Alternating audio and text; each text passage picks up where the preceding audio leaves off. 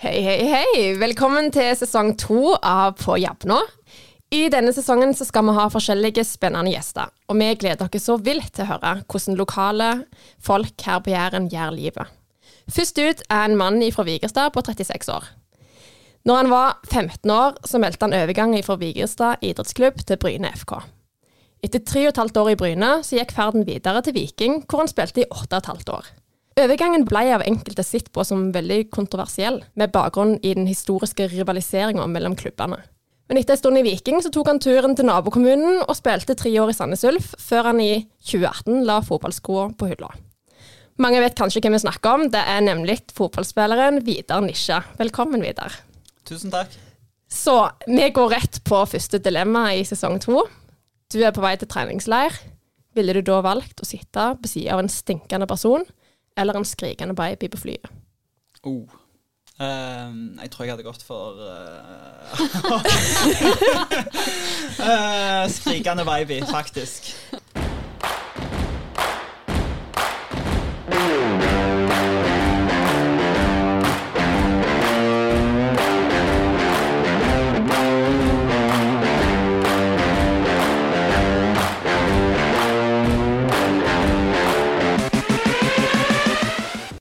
Ja, eh, gleder meg veldig mye til å høre mer om. Men eh, litt først, eh, hvem er Vidar?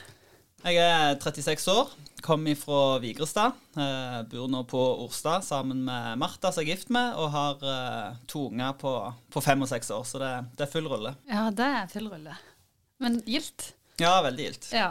Men du, det er noe mer enn det òg, da? Altså jobb? Ja, jeg jobber på, på Orre som, som daglig leder. Ja, IL. Orre IL. Og daglig leder på Orre IL, hva innebærer det? Det innebærer det meste, egentlig. Eh, så Det var en nyoppretta stilling. Så Tidligere så har de hatt en, en, vaktmester, og så har de hatt de som jobber administrativt. Eh, så nå slutta de to på litt eh, Eller på samme tidspunkt, nesten. Og så slo de de to sammen da, til, til en daglig lederstilling. Så jeg starta i desember i fjor, så har jeg egentlig gjort vært borti det meste etter det. Eh, daglig lederting og vært eh, i forhold til utleie av hall og økonomi og sånt. Men òg vært en del i forhold til, til, bane og markering og utstyrsavtaler og henting av utstyr som er bestilt. og Vært borti, borti det meste.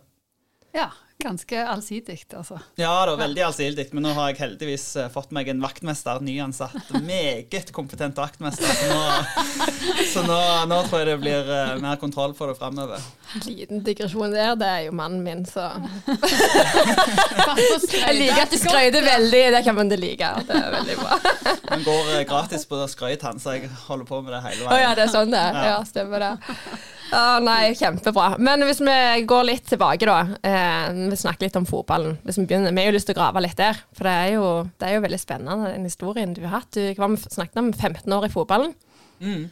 Det er ganske sjukt. Ja, tida går fort. Så ja. Jeg føler ikke så lenge siden jeg var 17 og skrev første kontrakt med, med Bryne, og så plutselig så, så, er du ferdig 15 år etterpå. Ja. ja, du er ikke ferdig da. Det er nå det begynner. Ja, er ferdig med fotball. Akkurat den er greit jeg ikke får tilbake. Ja, stemmer det. Ja, men uh, hvis vi går tilbake, da. Når begynte du liksom å sette deg mål og tenkte at ok, jeg har lyst til å, dette har jeg lyst til å satse på? Nei, altså Målet har jo egentlig alltid vært å være fotballspiller. Det, som mange andre gutter og jenter på min alder, når jeg var sånn 5, 6, 7, 8, 9, 10 år, så, så var det på en måte fotballproff som var målet. Og så var det jo en del av de når vi kom opp i 7., 8., 9. klasse, så kanskje begynte å snakke om andre ting. Men, men for min del så var det liksom eh, fotball som var målet, og jeg hadde egentlig aldri noe plan B. Hva var, det, hva var det du egentlig ville til slutt? Jeg ville til Leeds. Altså Planen min var at jeg skulle til, til, fra Vigrestad til Bryne, til Viking og Leeds. Ja. Så jeg på en måte kom, kom med tre, to punkter, og så istedenfor Leeds da, så brekte jeg av, og så tok jeg Sandnes Ulf istedenfor. Sandnes Ulf, Leeds, er ikke ja. det? Det er nesten det samme. Det er ikke store forskjell i det hele tatt. Stemmer det. Men en ting er jo det der med gutter som drømmer om det, men en annen ting er jo liksom å virkelig ha troen på det. Har det vært folk rundt deg som har liksom pusha på og eller hvem er, er det noen folk som har liksom heia deg fram, sånn at du faktisk har trodd, trodd at å, dette kan jeg faktisk gjøre? Ja, det er jo mange som har vært rundt og på en måte lagt til rette. Eh, jeg føler ikke det har blitt pusha så mye på, for det er på en måte den indre driven har jeg stått til meg sjøl. Men, eh, men, det er klart mor og far har jo vært med og kjørt til utallige turer. Jeg har to eldre brødre som jeg har spilt med i fotball med.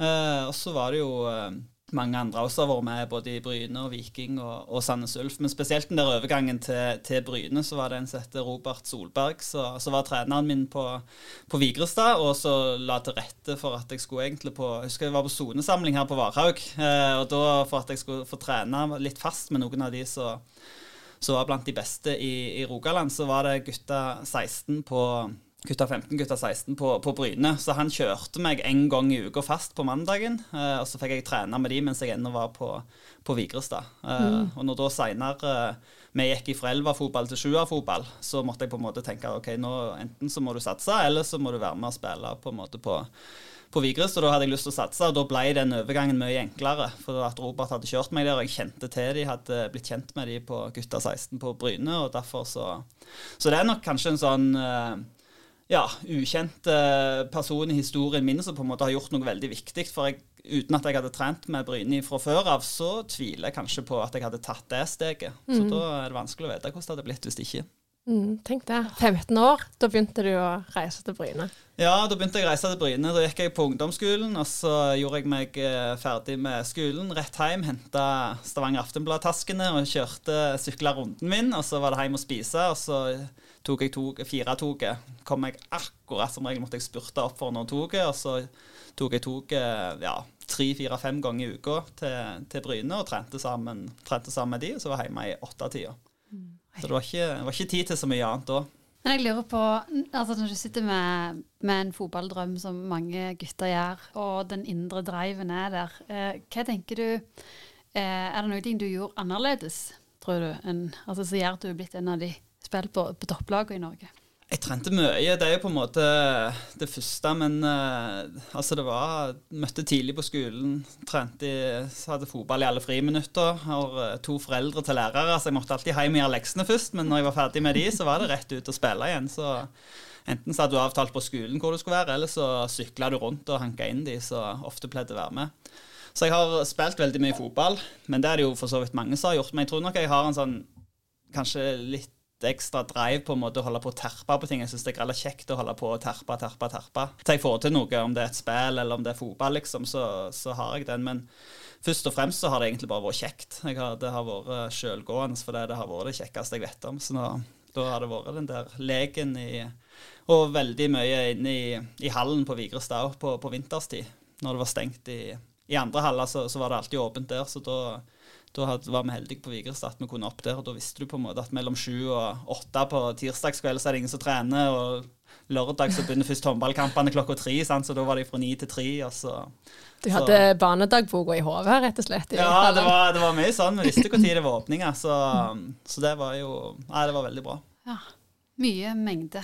Eh, Mye og, mengde, og ja. der spiller jo idrettslaget en viktig rolle til å, til å legge til rette. Mm. Ja, det er jo det som viser at eh, folk som eh, driver høyt, på høyt nivå i Norge, det er jo folk som har vært de som spilte i ballbingene, fikk mye ballkontakt. og ja, Det er jo egentlig ikke sånn overraskende historie, sånn sett, men det er jo likevel kult at bare, dere bare brukte alle mulighetene dere hadde. Mm. Men så signerte du på Bryne. Ja, stemmer det. Ja, Det var en ganske stor følelse. Ja, Bryne i mitt hjerte, altså. Ja, ja, det var jo det. det var, de hadde jo rykt ned året før. Eh, skulle kutte budsjettet med 70 og ut med alle svensker. Og det er klart da, For å få inn litt eh, billigere folk, så var det ut med svenskene, og så var det jo inn med mange lokale, da. Må ikke snakke deg sjøl ned nå. Nei, men det, var, men, men det, er jo litt sånn at uh, fotball er jo en del av mye tilfeldighet òg. Så det hadde ja. vært mye en vanskeligere vei inn for meg hvis det ikke var sånn. men men de måtte satse på lokale andre tredjedivisjonsspillere, og, og de satsa også på noen lokale juniorspillere. Så ikke sikkert de hadde satsa på hvis de ikke hadde rykt ned og hadde hatt en større pengesekk. Så det var på en måte min, eh, min billett inn der, så det var veldig kjekt. Så var du der i tre og et halvt år? Ja, stemmer det. Og så gikk veien videre til Viking. Yes. Og det er litt sånn som jeg sa i innledningen, det var jo mange som syntes det var litt eh, Det er jo banna i kirka, det. Ja, det er det. Eh, Både to og tre ganger for, for mange av de. Så jeg husker det var ikke mer enn sikkert to-tre sekunder etter Jærbladet hadde lagt ut at jeg hadde bestemt meg for å gå til Viking, at første Judas-melding kom, kom inn, på, inn på telefonen. Og etter det så, så rant det vel egentlig over, både med meldinger og på telefon, og folk som skrev eh, under artiklene. eh, ble ringt ned om eh, Spesielt i helgene, da. Natt til, natt til søndag var Natt til lørdag var ynda objekt. Ringte de og fortalte meg hvor jeg burde befinne meg. En varmere plass. Eh, I tillegg så var det folk så når jeg sto, jeg, På den tida så bodde jeg på Bryne, så jeg husker jeg sto utfor og skulle til å låse døra, og så ser jeg sånn sidesyn at en som sykler forbi, akkurat idet han parkerer, eller kjører forbi meg, da, så, så hører jeg bare 'Judas!' Og så trør han på alt han klarer. Så jeg er klar som 20 år gammel gutt, og jeg var jo eh, Jeg gleda meg til å begynne i Viking, men, eh, men det, jeg var, liker ikke de der store omveltningene i livet. Så altså, jeg var jo veldig usikker etter jeg hadde gitt beskjed, og da hjalp det ikke på å få sånne tilbakemeldinger. Så det var mye læring, men, men det var jo eh, nokså brutalt når det sto på. Åh, ja, Det skjønner jeg. Men det var det verdt det? Ja, det var det jo absolutt. Det Ja. viste seg jo å være en veldig god avgjørelse. Så jeg hadde ni veldig kjekke sesonger i Viking, så, så jeg har ikke angra på det et sekund. Men det er akkurat det når du står der og på en måte lurer på om du har gjort det rette, så, så kan det være litt vanskelig. Ja. Du fulgte planen din, da? Jeg fylte planen, så Ja. steg to var, var check. Ja. Men når du var da i Viking, eller for så vidt i Bryne og sånt, da har du gått igjennom Du har gått på skole samtidig. Du gikk på idrett på Bryne, Ja. og så tok du etterpå det. Hva gjorde du da? Nei, da skulle jeg ha, da skulle jeg ha ett friår, eh, så plutselig ble det ti. Så, så det var vel litt sånn standard fotball at nå har det vært så mye skole og trening og lekser om hverandre at mm. nå skal jeg ha ett friår før jeg fortsetter, og så, så ble det mange. Ja. Men du har studert litt etterpå? Ja, jeg har det. Ja. Jeg, eh, jeg begynte, måtte ta det opp igjen når jeg så at eh, fotballkarrieren var ikke evig, så, så måtte jeg sette meg tilbake på skolebenken. Men hvordan var det i året før det, da? Eh, med kombinasjonen sant? Du og Martha ble jo sammen når dere, det var jo, dere var ganske unge? Eller? Ja, jo, vi var det. Så det var, vel, det var vel akkurat i overgangen der i 2007 eh, at vi begynte å, å treffes. Og, og har eh, Nei, altså, det er jo det er jo mye som skjer. Det, det er jo fotball, og det er familie i tillegg. Og det, det er mye som tar tid. Så du har egentlig ikke tid til så mye mer enn skole og nærmeste familie og, og venner. Mm. Alt annet må egentlig pushes vekk. Hvordan var en vanlig hverdag? Når du var i Viking, da. Ta det. Nei, da, var det jo, da hadde det jo blitt mer profesjonalisert igjen. Sant? Så da var jo treninga var klokka ti. Eh, vi pleide måtte være seinest eh, klokka ni oppmøte. Hvis ikke var det 200 i bot med en gang. Og så var det ble bota større for hvert minutt du kom for seint. Så jeg var der alltid 8.59. Eh, jeg, var, jeg var liksom aldri Nesten aldri for sein, men jeg var, var aldri for tidlig heller. Eh, så det var nesten sånn sporty når de andre så at klokka var ett minutt på. Da begynte de å kikke mot døra, og så var jeg der hver gang. Så hadde jeg sånn to til tre minutter, på en måte. Hvis det var mer kø enn det, da sleit jeg. Så hadde jeg noen sånn lure måter å hente inn den. Eh, og så var det ned etter vi hadde spist, så var det ned og i garderoben og skifta. og så var det som regel prep 15-20 minutter før. Og så var det trening 10 til halv tolv. eh, Og så var det varme lunsj oppe i kantina, og så var det en ny økt klokka, klokka to til halv fire, kanskje, hvis vi hadde, hadde det. Også i tillegg, så Det har jo variert litt hvor mye, hvordan opplegget rundt det, men spesielt når vi hadde Ove Røsler, så var han veldig på i forhold til restitusjon og, og sånn, så da ble det jo bygd en del eh, sengeplasser inn i stadion, der det gikk an å hvile og sove mellom øktene. Og i tillegg så fikk vi inn en massør, så var det to timer, så du på en måte kunne booke deg inn for 20 eller 30 minutter for sportsmassasje. Så, så var det andre som ikke brukte pengene på det, heller på andre ting, så det har på en måte variert litt opp igjennom. Men eh, sånn røftlig så, så var det det fram til, fram til helg og kamp. Ja, det er jo en hel arbeidsdag. Ja da, det blir det. Og så er det ikke slutt når du reiser hjem heller, så du må på en måte ta, ta vare på kroppen og, og sinnet etterpå. Så det, det er jo veldig mye som handler om, om fotball, og du er litt i din egen boble mens, mens du holder på, men, men det er kjekke bobler å være i. Ja, absolutt. Jeg sitter, jeg sitter litt på innsida og er litt opptatt av eh, alt det der som handler om, om ikke bare fotballen eller den sportslige eh, skillsa. da. Hvor viktig tenker du det er? Jeg syns det er veldig forskjell på hva klubber prioriterer av de fasilitetene som du nevner rundt. Hvor viktig er har vært for deg i din karriere? Nei, altså jeg eh, For min del så har det jo viktigste for så vidt vært fotballen. Så jeg, jeg kunne nok kanskje vært bedre på, på, noen andre ting, men det er veldig lett å tenke ettertid når du er ferdig, liksom. Men, eh, men jeg har vel egentlig fulgt litt den strømmen som har blitt lagt for meg. Altså Hvis, hvis det var fullt opplegg og sånn som jeg fortalte med massasje og sånn, så, så, gjorde jeg det. Og hvis det ikke var, på en måte, så så ble det ikke like, like, mye. Så da vet jeg det er noen som på en måte betalte for det, gjorde det på fritid, og, og det var folk som både var, var strengere og mindre strenge enn meg på, på, kosthold og sånn, så det varierer veldig. Du har på en måte en gjeng på 25 stykk der som tenker forskjellig, oppfører seg forskjellig og, og, har veldig forskjellige utgangspunkt i forhold til hvor nøye de er på ting. Så, mm. og det er jo litt det spennende med dynamikken òg, da. Det er, mm. veldig, det er på en måte et samfunn eh, samfunnslag som bare klemt inn i en garderobe, både med tru og, og alle ting. Så, så, det er jo noe av det kjekke med det, syns jeg. Ja, det gjenspeiler jo fort eh, samfunnet, synes det er i en liten garderobe. Mm, det er det. Eh, så ja. Men jeg, kur, altså, jeg følger jo med på Erling òg på rutine. Han er jo blitt helt rå på det. Han er rå på det han gjør. Ja. Så det er jo eh, satt helt uh, ut i, i ytterkant. ytterkant Ja. Men, men uh, bare i, En ting er det sportslige, men jeg har stått mange ganger siden du holdt foredrag til 20-åringer om dette her med at det kan være en dag at dere ser tilbake på disse åra der dere har talent, og så er det disse her tingene med si, kosthold og trening. Syns du at det gjorde stor forskjell for mange å ha ekstra fokus på det? Altså gode rutiner og vaner. For det hører vi jo litt når du snakker, at en ting er indre driven og mengdetrening, men du har jo òg vært nøye på valgene dine. Mm. Ja da, jeg har for så vidt det. Jeg tror det er nok mye mer fokus på det i dag eh, enn når jeg spilte. Eh, overgangen fra Bryn til Viking var jo stor på mange måter, men en av de var jo at det var mye mer profesjonalisert. Eh, både i forhold til kosthold, at vi fikk både frokost og varme lunsj på, på stadion. Eh, men òg i forhold til at istedenfor at uh, gjennomgangen før kamp var på, på ei tavle, sånn som det var på Bryne, og det tegnte kryss og og rundinger liksom for å vise hvor folk var, så hadde vi en halvtime, 45 minutter med, med video i, i, Viking. Så det var på en måte mange ting der. Men akkurat det med kosthold eh, individuelt hos spillerne tror jeg nok var litt så som så. Noen hadde seg sikkert noen uh, sjokoladeboller rett før de kom på trening og sånt, men, men jeg tror den der viktige delen var på en måte at vi hadde frokost allikevel samla. Mm. For hvis ikke så så tror jeg at eh, det er alltid noen som er flinke, men det er en god del som fillen i dag forsover meg. Ja, jeg får bare stikke rett på trening. Så jeg tror det er en viktig del av det å profesjonalisere det, at du faktisk har de måltidene. En ting er for,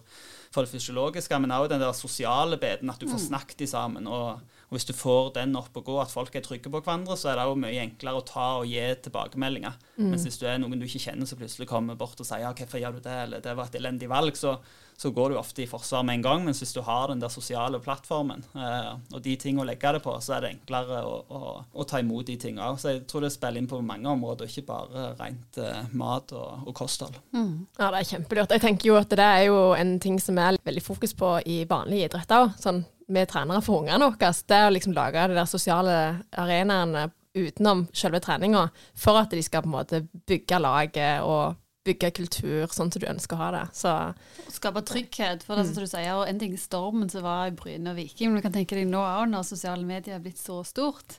Eh, altså, da hadde du telefon, og du fikk jo meldinger av det her, men nå er det jo ja, overalt. Jeg tenker det er ganske brutalt å være så synlig i dag. Og da er det ganske viktig at du har en god gjeng rundt deg som gjør deg eh, trygg. Ja, absolutt. Og, det, og på, når jeg spilte til Viking, så var det på en måte vi som var spilte fotball, og, og, andre på en måte som var vant med å få tilbakemeldinger og liksom karakterer etter hver kamp og sånn, men, men, gjennom sosiale medier og sånn, så får de jo det ned i altfor ung alder, mange av ungene òg. Så det, det, er klart det det er jo ikke løye at mange av de syns det kan være, være utfordrende, både mm. med og uten telefon. Men eh, nå sier du at uh, det var jo veldig sånn OK, du fikk frokost og sånn og sånn, men hvordan har kostholdet ditt vært? Jeg og deg snakket bitte litt om det i forkant. Kan du ikke fortelle litt hvordan hvordan åt du inn der, før du fikk måltidet servert? Ja, da var, Det kan vel egentlig godt oppsummeres med at uh, brødrene mine var på besøk hos meg på Bryne. Da hadde jeg nettopp flytta ut sjøl og bodde med et par kompiser som vi leide. Og så åpna de skapet på, på kjøkkenet, og der sto det en uh, havregrynpakke, og så sto det en stor, uh, god pose med smågodt. Så, så, det har vel vært en kombinasjon av de to. Det har vært mye havregryn, og det har vært mye smågodt. Konge. Til du sa at du har hatt havregryn tre ganger til dagen. Ja, ja det var egentlig det. Utenom, eh, utenom eh, middagen, Mm. så, så var det ofte det det gikk i. Det var lett og fort gjort og smakte helt greit. Og var så noenlunde sunt helt til jeg tok på litt store mengder sukker. Så. Men alt i alt så følte jeg at jeg holdt sånn noenlunde, noenlunde balansen der. Så det, det er ikke det verste du kan få i deg, iallfall. Nei, nei, havregryn er jo kjempemye næring, så det Jeg har sett mye blanding der, men likevel så jeg har forstått det sånn at eh, fotballen har jo endra seg ganske mye de siste 20 årene, både i forhold til det å kunne leve av det, men også hva som kreves av eh, å kunne være fulltids eh, fotballspiller. da. Mm. Hva tenker du rundt det? Nei, jeg tror det er mye mer profesjonalisert nå. Jeg tror det er mye mer fokus på det. Sånn som nå, så når jeg var i Viking, så fikk vi på en måte frokost og, og lunsj, men utenom det så var det ikke så mye snakk om kosthold. Du hadde ikke egne planer. Vi hadde vel eh, en kostholdsekspert eh, inne en gang og hadde et foredrag, men da hang Ove Røsla seg mest opp i at hun sa at cola ikke var så farlig. For det var det verste han visste. Altså, hvis det var lagfest, så kunne, vi godt ta, kunne folk godt ta seg en øl liksom, etter kampen, men det var så vidt jeg fikk lov til å ta cola, så jeg ikke drakk. Så det, Coke, it's poison. Så det var, ja, ja, ja. ja var Heller alkohol enn cola, faktisk. Ja, det var faktisk det. Så han, Thomas Pereira pleier alltid å dra opp en historie når vi var, skulle reise hjem ifra Vi hadde vært i utlandet, skulle vi reise hjem, og så mellomlanda vi en svær flyplass. Og så, så meg og et par andre gikk liksom helt til andre enden i forhold til der vi skulle, og så sette oss ned, og så kjøpte vi noe mat, og så tok jeg ei brus, for jeg var sliten etter lange tur og tenkte brus, det er Ove langt vekke. Men så viste det seg at Ove måtte på do, så han hadde leita etter do som var i nærheten der jeg var. Så han kom gående forbi, og så ser du bare at han kikker mot der vi sitter, og så ser han bare Vidar. Unlucky. 500. Det var bot! Ja, så da fikk jeg bot for jeg hadde sittet og drakk, eh, drakk brus. Så han var ikke fornøyd med det. Men tilbake til, til kosthold, så, så var det nok litt på, på det nivået det var da. At det var, det var litt fokus på det. Noen var innom og snakket om det, men det var ikke sånn at de fulgte oss tett opp. Det var litt opp til deg sjøl hva du gjorde utenom de måltidene du fikk. Mentaltrening, da.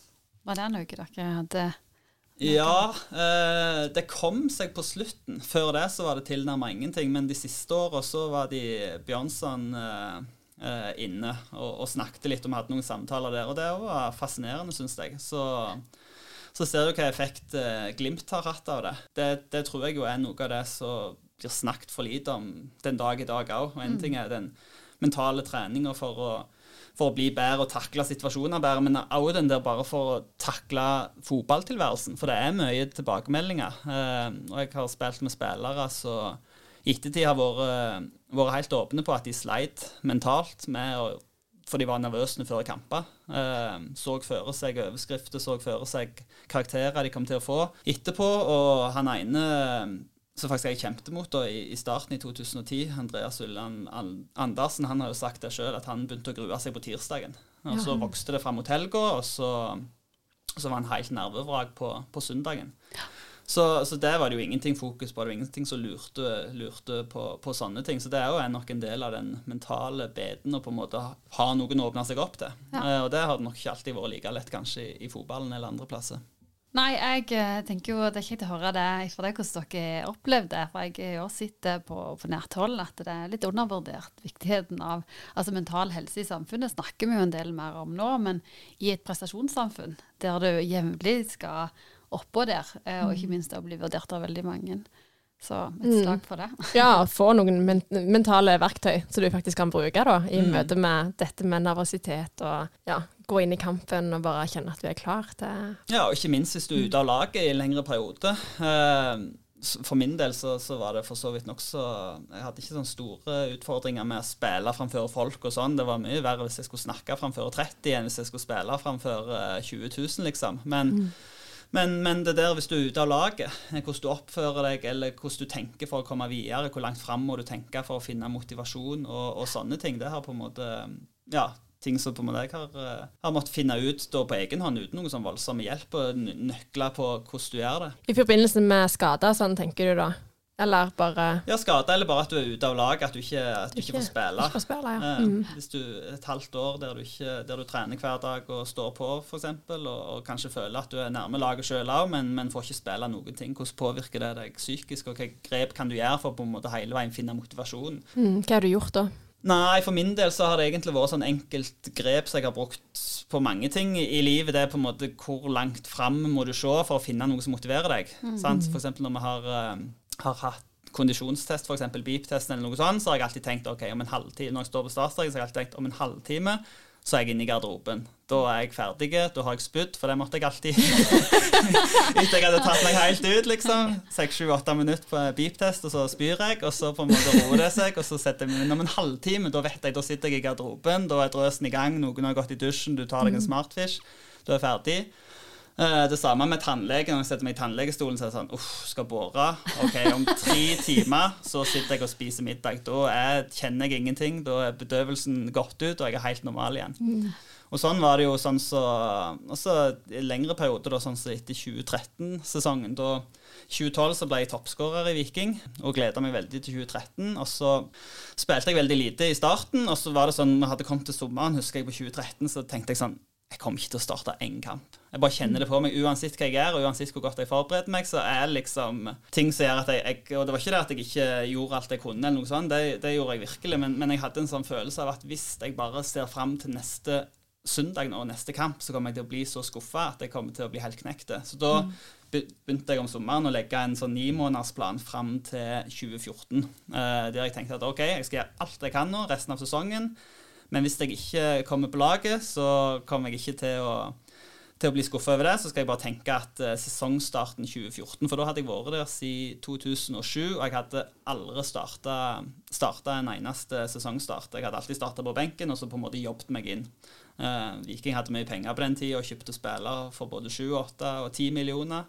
Flere av de i min rolle, så det var på en måte litt sånn starta på nytt. Uh, hver gang. Så jeg tenkte men i 2014 da skal jeg klare det. Jeg skal skåre ti mål, eh, og jeg skal bli, bli toppskårer. Det var liksom mål, og så holdt meg i gang den. Og det viste seg jo at jeg, jeg starta ingen av de kampene den, den høsten, så vidt jeg husker. og og ja, Det var på en måte noe som holdt meg i gang, da, mer enn på en måte denne halvtimen eller den, disse tre timene. Men du må finne noe enda lenger fram som gjør at du, at du, har lyst til å klare å holde motivasjonen oppe. For selv om du får drive med det kjekkeste du vil, så er det ikke alltid motivasjonen er der for det. Og det er jo en veldig effektiv teknikk, altså mentaltreningsteknikk. Det er jo å sette seg mål, og så må jo de være realistiske ut ifra situasjonen du er i. Mm. Det er kjempetøft for fotballspillere eller generelt å være skada når det er det du lever av. Ja, ja, det er så. Ja. Så 2013-sesongen var egentlig ganske tung, et tungt år i din karriere? Ja, det var egentlig det. Ja, Men hvordan ble 2014, da?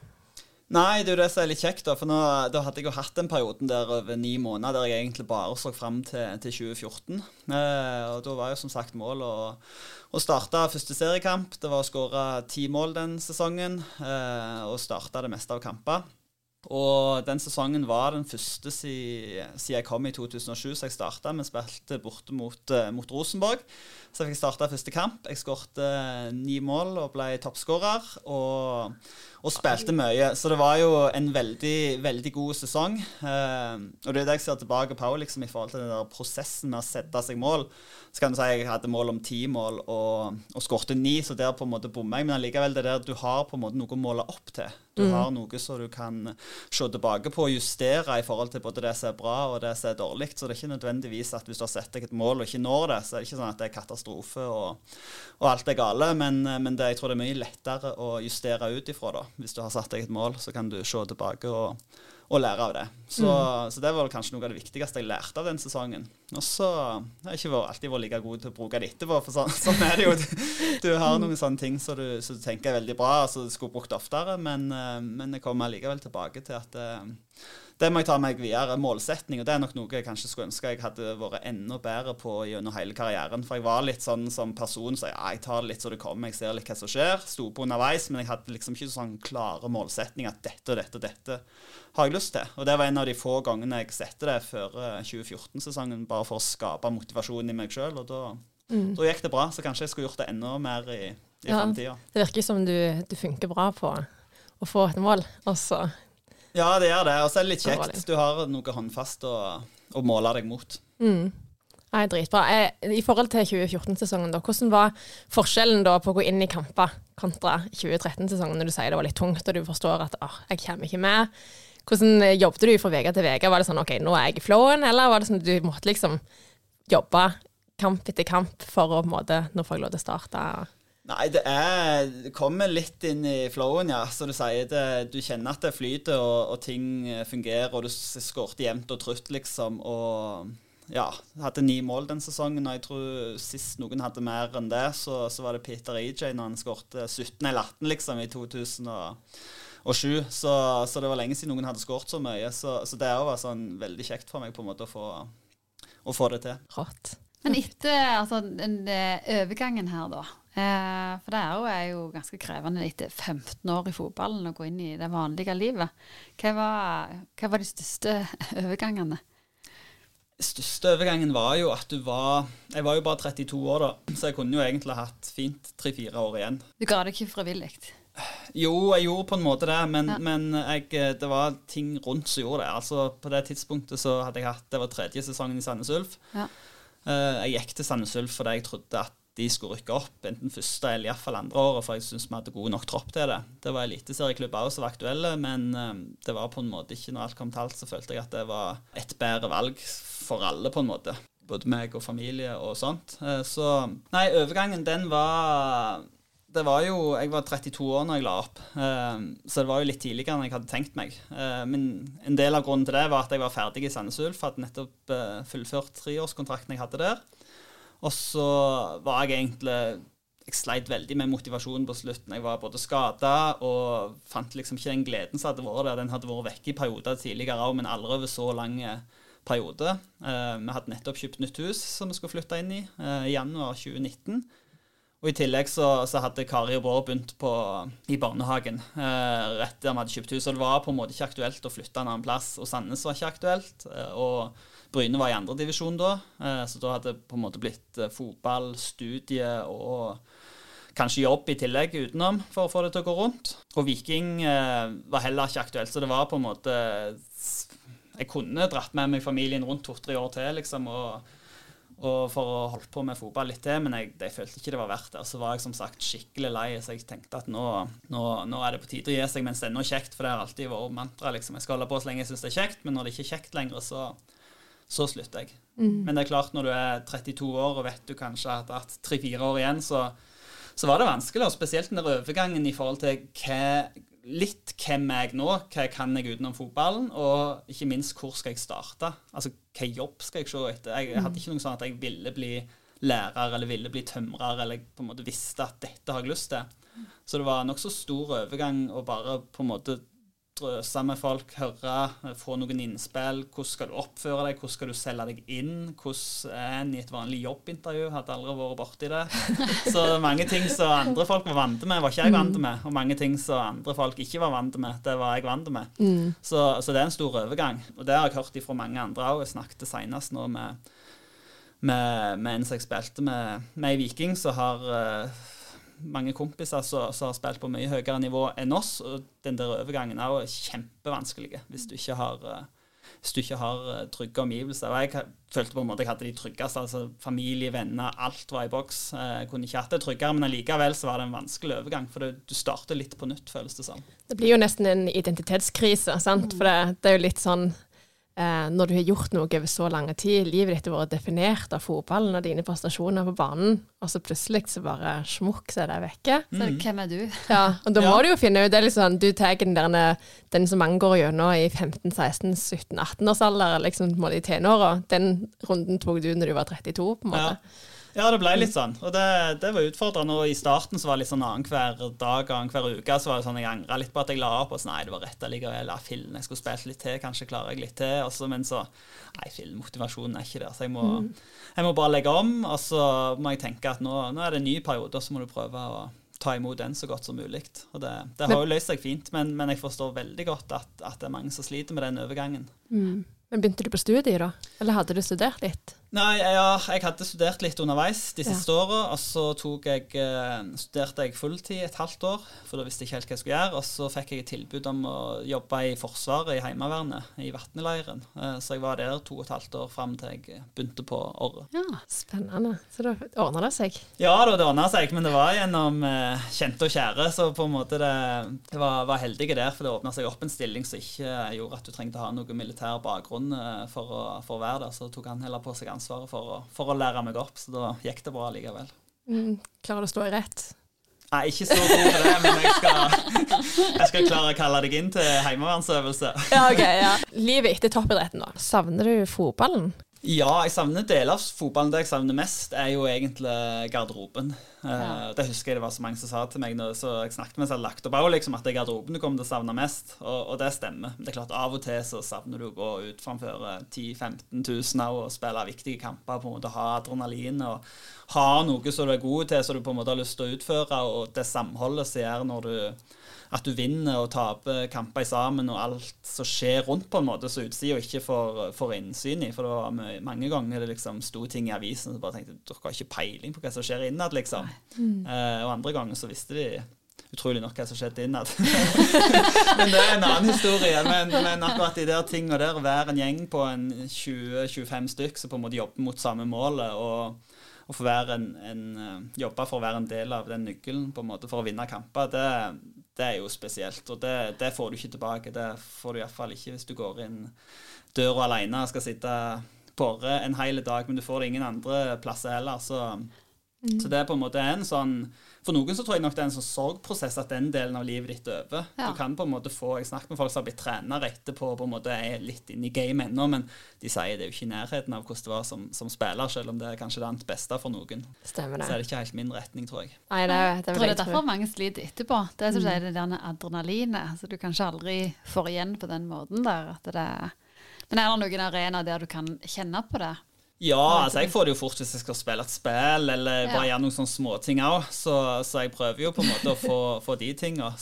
Men det, det, var en av de tingene som gjorde det litt vanskelig når koronaen kom. Og det var jo mange ting, selvfølgelig, men da, du fikk liksom ikke der du møtte folk og hadde de der småtinga som gjorde dagen bedre. liksom At du hadde en konkurranse eller du snakket litt sammen. Sant? Tilbake til mental helse. det det, det, er mange ting som spiller inn, men for meg så er det sånn glede bare å ha en sånn liten, enkel øvelse, eller treffe søppelkorger med papir, liksom. Og etter hver trening så tok jeg alltid og samla alt på alle teipene til, til ei kule, og så heiv jeg det liksom til, oppi søppelkorga. Så det var sånn eh, det var bare sånn liten glede for meg sjøl. Ingen andre som brydde seg eller la merke til, men så ble jeg glad. Så ble jeg litt sur hvis jeg bomma. Ja, du har jo ekstremt mye konkurranseinstinkt. Ja, det, det er jo sett. Ja. ja. Det, men det er jo kanskje en av grunnene til at du klarte å drive deg sjøl ifra du var 14 eller 13-14 år Sant? Så kommer mm. deg gjennom alt dette. Jeg vet jo at du har ansett en vaktmester, så vi har utfordret konkurranseinstinktet ditt òg. Ja, og vi, når du snakker om glede i hverdagen, så er jo det hver gang han jobber jo en dag i uka i snitt. Og da, da har vi satt opp ei sånn liste med konkurranser vi skal gjennom. Da. Så i løpet av et år så skal vi ha 52 konkurranser, så skal det kåres en årmester. Så det er jo sånn uh, Sist så hadde vi treffa tverrleggeren. Før det skulle vi hive en sånn håndball oppi ei basketballkorg og ja, litt sånn småting. Så. Den neste konkurransen, hva blir den? Jeg hører eh, langt baki der så har du spilt inn beep-testen, så jeg vet ikke Jeg visste jo ikke at du spydde av den. Nei, jeg tenker det var jo veldig kult. Ja. Skal det bare 30 minutter videre? Ja. ja. Så er jo spørsmålet om, det, så er jo spørsmålet om Brynjar får meg til å spy, da, eller om han er ferdig før. Oh. oh, fikk han den. Der fikk han den. Får du han ut, på, ut i potten? Nei, det er konge, det. Men eh, hvis, når du, du har vært, i idretten, det har vært treningene blir servert deg, dette skal du gjøre, du får maten servert deg. Hvordan har det vært å måtte Altså trening, da. Hvordan ser det ut? For deg? nå spiller du fotball ennå? Eh, nei, veldig lite. Så ja, trening er jo et nytt kapittel når du ikke får betalt for det. Det er jo noe av det som er fordelen med å være eh, fotballspiller og få betalt. Så da var jeg på en måte ferdig trent og ferdig jobba. Mm -hmm. Så da kunne jeg bruke tid på andre ting. Mens nå når du har vanlige A4-liv og på en måte skal putte det inn i hverdagen, så er det jo litt vanskeligere. Så i starten, husker jeg da første drøye året, da var det jo nesten ja, da var det tilnærmet ingenting. Da, da, da, var jeg så lei, og jeg, var, jeg, fant egentlig ikke noe glede med det før koronaen begynte å krype på. For da var det sånn at du så jo mye hjemme. Hadde mhm. hjemmekontor. og Ungene var hjemme, og alle var hjemme uten å treffes. Så da ble jeg litt sånn kjente veggene begynte å komme litt nærmere enn de hadde vært før. Og da ble jeg og Martha enige om at nå må vi bare prioritere å komme oss ut og jogge. Både for egen del, men også bare for å få lufta hodet litt, liksom. Eh, når du både var foreldre og barnehagelærere og i tillegg skulle prøve å gjøre en jobb, så, så er det nok flere som kjenner seg igjen der. Så etter det så har det på en måte gått litt eh, for så vidt litt opp og ned, men jeg prøver å få, få to-tre økter i løpet av uka. Det er iallfall målet. På sånn noenlunde fornuftig nivå. Ja, men det, det tror jeg nok mange som kjenner seg igjen i det. Det er jo litt sånn når du er i organisert idrett òg, trenger jo ikke være på en måte på toppnivå, men når det er ungdomstid og sånn og sånn, og så blir du voksen, og så begynner du å jobbe, så er det sånn Hvordan skal du få det til? Ja, Det er annerledes når du ikke kan gjøre det på dagtid. det er det. Absolutt. Men eh, Vidar, hvis du skulle gjort alt på nytt, er noe du ville gjort annerledes med tanke på eh, trening, kosthold, vaner, eller noen av de tingene vi snakket rundt i dag? Eh, Satse hardere mot Leeds, eller? Ja, ja, ja. ja, det er jo mye. Og det, det er jo noe av det som når du ser tilbake, så, så er det jo lett å se hva ting du kunne gjort bedre. Eh, altså For min del så, så kunne jeg nok vært nøyere på, på kosthold, f.eks. Eh, jeg tror det var helt greit. Det var ikke det som gjorde at jeg ikke tok det siste steget. Men eh, Hva var det siste steget, da? Nei, det var jo å komme seg ut til Premier League, til Leeds. Eh, den store proffdrømmen. Jeg har jo levd av fotball i, i, i 15 år, men allikevel det der steget på en måte å være i en av de topp fem ligaene, det var jo Men Hva ville det ha krevd av deg? Jeg tror eh, det hadde nok krevd at jeg var enda mer eh, Jeg vil ikke si dedikert, for jeg var veldig dedikert, men jeg måtte nok kanskje gått enda mer inn i meg og gjort de tingene. Jeg var veldig god for eksempel, til å stå igjen og øve på avslutninger, for det syntes jeg var kjekt. Fikk alltid med meg noen bekker eller kanter til å slå legg etter øktene. Eh, Jeg kunne holde på lenge med det, terpe på små detaljer. Men for eksempel så kunne jeg kanskje tenkt meg at jeg var enda bedre til å gå inn og ta styrke. Eh, Altså enkel som magerygg. Jeg vil, burde jobbet mer med hurtighet, f.eks. Eh, bygd enda litt mer, eh, mer der. Eh, blitt litt raskere, enda litt mer solide. Men så er det fort gjort å glemme på en måte hvor sliten en var de gangene en kom hjem. Altså Det var dager der du så vidt kom inn døra, og så bare lå du og slappet av resten av dagen til neste trening. Spesielt da i oppkjøringa. Så, så når du legger opp, så er det veldig lett å tenke på de tingene du faktisk skulle gjort bedre, men så, så glemmer jeg av og til av liksom hvor sliten jeg var, og hvor mye det kosta å bare gjennomføre det du gjorde. Så, så det kan være at det var Jeg tror ikke jeg fikk maks ut av det, men, men jeg tror jeg var god til å pushe meg sjøl på visse ting, og så skulle jeg ønske jeg var enda bedre til å kanskje ta de tingene så, så jeg ikke syntes det var så kjekt. Eventuelt at noen rundt meg hadde sagt at Vidar, nå må du sette meg opp et eh, et opplegg der du møter 45 minutter i gymmen to ganger i uka, eh, og så jobber vi med de tingene så, så, så du har eh, mye å gå på. Eh, Det er jo også en mulighet at noen rundt plukker, da. Ja, jeg, jeg syns vi kommer godt inn på det i dag, men jeg syns jo det er kjempeviktig i idretten generelt at det er ikke bare det treneren gjør, men det som er rundt av både idrettsspesifikke styrketrening og kosthold, og kanskje aller mest mentaltreninga som gjør at dere, når dere er slitne òg, hvordan henter dere dere inn igjen, og hvordan blir dere klare til ny trening, og hvordan takler dere utfordringene som kommer underveis. Mm. Da skal vi gå over på ei faste spalte, Vidar. Ja. Siden vi Så. har akkurat starta med Vi er så vilt rutis. Spalta før, men jeg er klar, Vi har, vi har lagd noen faste spørsmål som alle gjestene våre vil få. Ja. Jeg begynner med spørsmål nummer én. Har du noen faste vaner som du gjennomfører hver morgen? Jeg er veldig treig ut av senga, og jeg eh, trykker slumre mange ganger.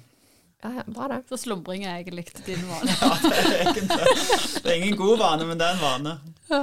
Hvis du skulle bo på en øde øy et halvt år, hvilken eiendel ville du tatt med deg? Da ville jeg hatt med meg en fotball. Ja. Ja, jeg ville faktisk det. Da kunne jeg gjort mange forskjellige øvelser. Kunne du blitt god? Ja, kunne jeg blitt vilt god. Det var kanskje det som var det som mangla for å ikke bli skikkelig proff. Stemmer det. Har du noen guilty pleasures?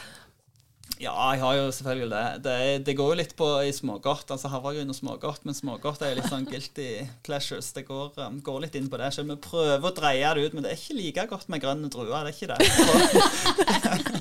Det er litt vanskelig overgangen der. Ja, Balansere det med havregryn. Ja, jeg får ta det. Ja. Havregryn og smågodt. stemmer det. Hva er ditt beste helseråd? Åh, det er et godt spørsmål. Uh, det tror jeg rett og slett er å komme seg ut og ta det i mindre doser enn du har tenkt. Jeg tror det er altfor mange som går på at ja, nå skal jeg begynne å trene, jeg skal ha fire økter i uka, jeg skal springe en mil hver gang. Men kom deg ut eh, fem minutter to dager i uka, og så når du får til det, så tar du sju minutter to dager i uka, og så tar du ti minutter, og så bygger du på med en dag til etter hvert. Altså, du kunne vært PT. Ja, jeg skal, det er kanskje det jeg skal bli. Det er jo, dette var helt konge.